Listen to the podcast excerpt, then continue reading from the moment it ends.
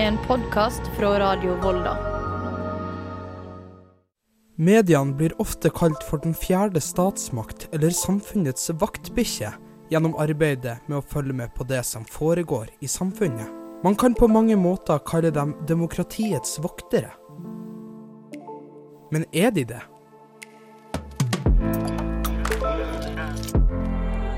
Du hører på Demokratiets voktere. Episode 2 Vikebladet Vestposten.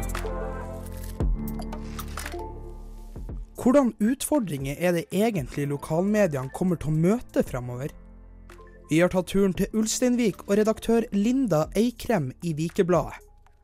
Hun nevner korona og det å få inn annonsekroner som tøffe utfordringer. Vi er avhengig av at eh, folk vil betale for å, å lese innholdet vi lager. Eh, og det, det er de nå. Altså, abonnementstallene våre går oppover. Så det er bare å eh, håpe at det fortsetter da, i nye generasjoner. Fordi Vikebladet ble starta i 1929. Nærmer seg 100 år. Så det er, en, det er på mange måter en kulturinstitusjon med forvaltere med lange tradisjoner. Det å få unge engasjert i lokaljournalistikken nevnes som en utfordring, men her har Vikebladet prøvd å få til en løsning. En kommentarturnus. Jeg fikk jo vite om dette for fire år siden når jeg eh, starta Ungdomsrådet. Og eh, da ble vi satt opp på turnus eh, tre-fire ganger i halvåret. Der vi skulle skrive leserinnlegg. Da, og vi fikk Fikk betalt 1000 kroner for å skrive det.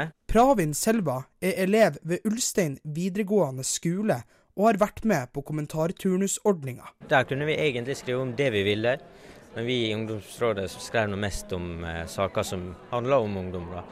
Eh, men det er ikke bare oss eh, ungdom de utfordrer, men det var også flere privatpersoner som er engasjerte. Og det er eldre, og det er unge, og det er folk som er over 50 og under 50. Men hva er målet? Å få ungdommene engasjert i demokratiet, eller engasjert i lokalaviser? Jeg håper at det er begge deler. da, fordi eh, Det er ikke noen tvil om at alle, eller all, all media eh, leter etter denne her nøkkelen på, for hvordan en skal få flere unge med som lesere og brukere. For å få dem til å bry seg om lokalaviser, så er det iallfall en forutsetning at, en, eh, at avisa bryr seg om hva de unge mener. Eh, og det, Dette er nå én ting. og En annen ting er at en også lar dem få komme ordet i, i helt ordinære saker. Ken André Ottesen er kjent som BA-desken på Instagram. Der legger han ut morsomheter fra norske lokalmedier. Han er enig i at det er viktig å involvere leserne. Eh, altså, eh, Vi konkurrerer om folks tid. Vi konkurrerer ikke om det er, det er ikke snakk om de skal lese den eller den lokalavisa, som velger bort lokalavisa. Det er pga. tid. Så én ting er på en måte å identifisere Facebook og Google som store konkurrenter når det kommer til økonomi, annonsering og sånne ting. Men jeg tror folks tid, folk har så begrensa tid eh, og har så mange tilbud, at lokalavisene må gjøre seg lekre.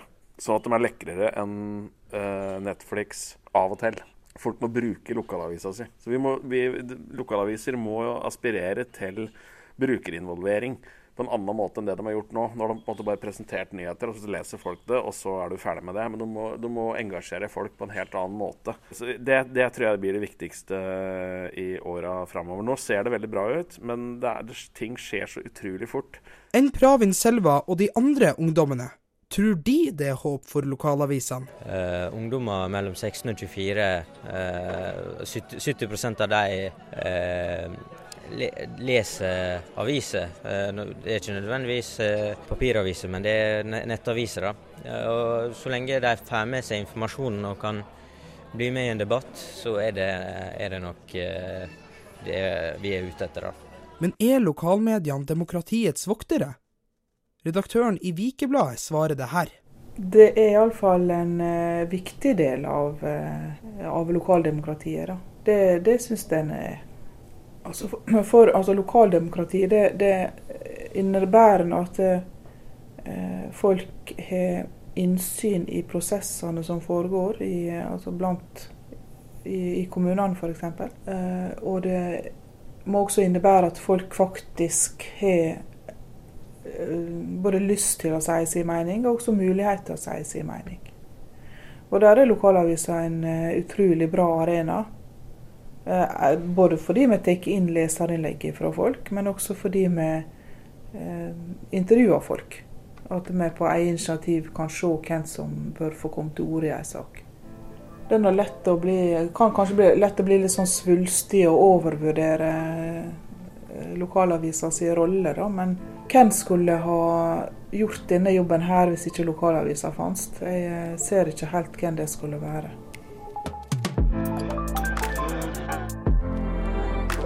Du har hørt andre episode av Demokratiets voktere, laga av meg, Trond Odin Johansen.